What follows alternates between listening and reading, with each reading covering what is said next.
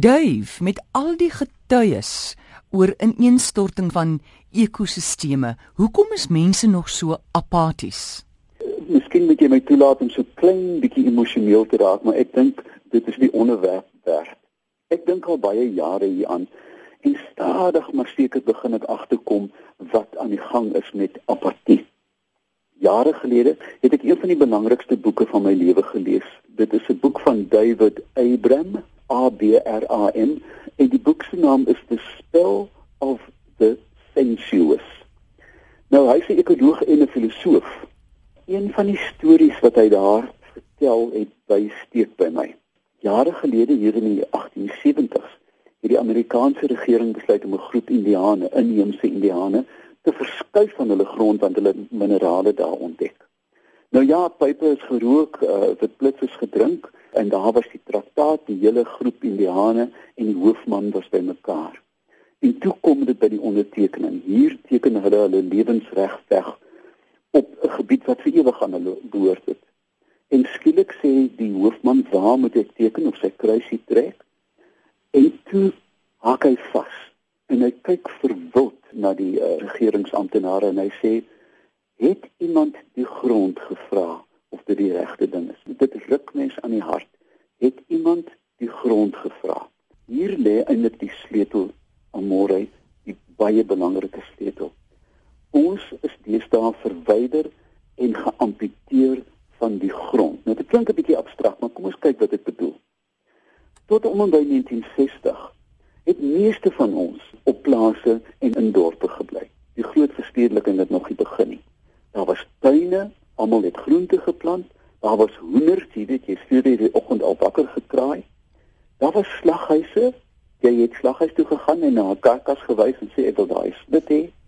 Daar was groentesmouse by die deur met die groente van die dag. Babas is tuisgebore en ou mense het tuis dood gegaan. Amore binne 50 jaar, 'n kort leeftyd, binne my leeftyd, het dorpstuine, wie maak groentetuin, slaghuise, een per voorstad as jy gelukkig is.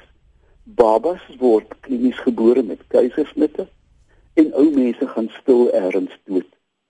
En ons groente kom in pakkies en ek dink hier lê die sleutel. Ons weet nie meer waar dinge vandaan kom nie. Ons het daai naalstring met die aarde gesny. Waar kry ons nog mense wat dit verstaan? Boere veral. Boere wat in gemeenskappe bly en miskien nog in klein dorpies. Ek weet vir 'n feit dat in baie gebiede, in boeregebiede, as iemand sou sterf by die huis, kom die vrouens bymekaar en hulle wag by die bed. Jy weet daai doodswag, hulle sorg vir kos, hulle sorg dat die huishouding aan die gang hou. Want hulle weet hierdie siklus van geboorte en dood bestaan. En vir meeste van ons amore het hierdie goed totaal abstrakt geraak want ons lewe nie meer in gemeenskappe nie. Ons groente kom in plastiekpakkies. Ons in lang pink worsvorms. Daar is nie meer die skakel met bessie die koei wat geslag word of jafta die skaap nie. En so dink ek het ons hierdie slagaar met die ontstaan van dinge verloor. Nou, dit klink nou miskien 'n bietjie filosofies, maar ek dink dit is reg aan môre. Ons verstaan nie meer waar dinge vandaan kom nie. En juist daarom verstaan ons ook, ook nie as dinge verdwyn, hmm. want dit is abstrakt. Wie lees uh, op 'n buitelandse koerant dat daar 'n boot gevang naby Australië met 40 ton, amore, dink 'n bietjie daaraan. 40 ton het 'n magog karkasse op pad China toe. Die magog karkasse is gesogte vleis vir die hoë tafels, maar ook die skubbe vermoed die mense help met borsvoeding van vrouens. Dit is suiwer bog. Maar weet jy hoeveel lyfies is daar in 40 ton? Met ander woorde, die mense wat hierdie diere reste koop, het nie die vaagste idee een waar dit vandaan kom nie, hoe die dier bestaan het nie, van sy biologie nie. En daar lê die sleutels aan môre. Ons moet weer werk aan gemeenskappe sodat ons die siklus van die lewe kan verstaan. Wat gaan ons verstaan? Waar kom die terske vandaan? Waar kom die hoender vandaan? En so dink ek gaan ons begin met respek. Want amore as ons dit nie doen nie, gaan die aarde hom op ons wreek en ons gaan dit aan ons eie lywe voel.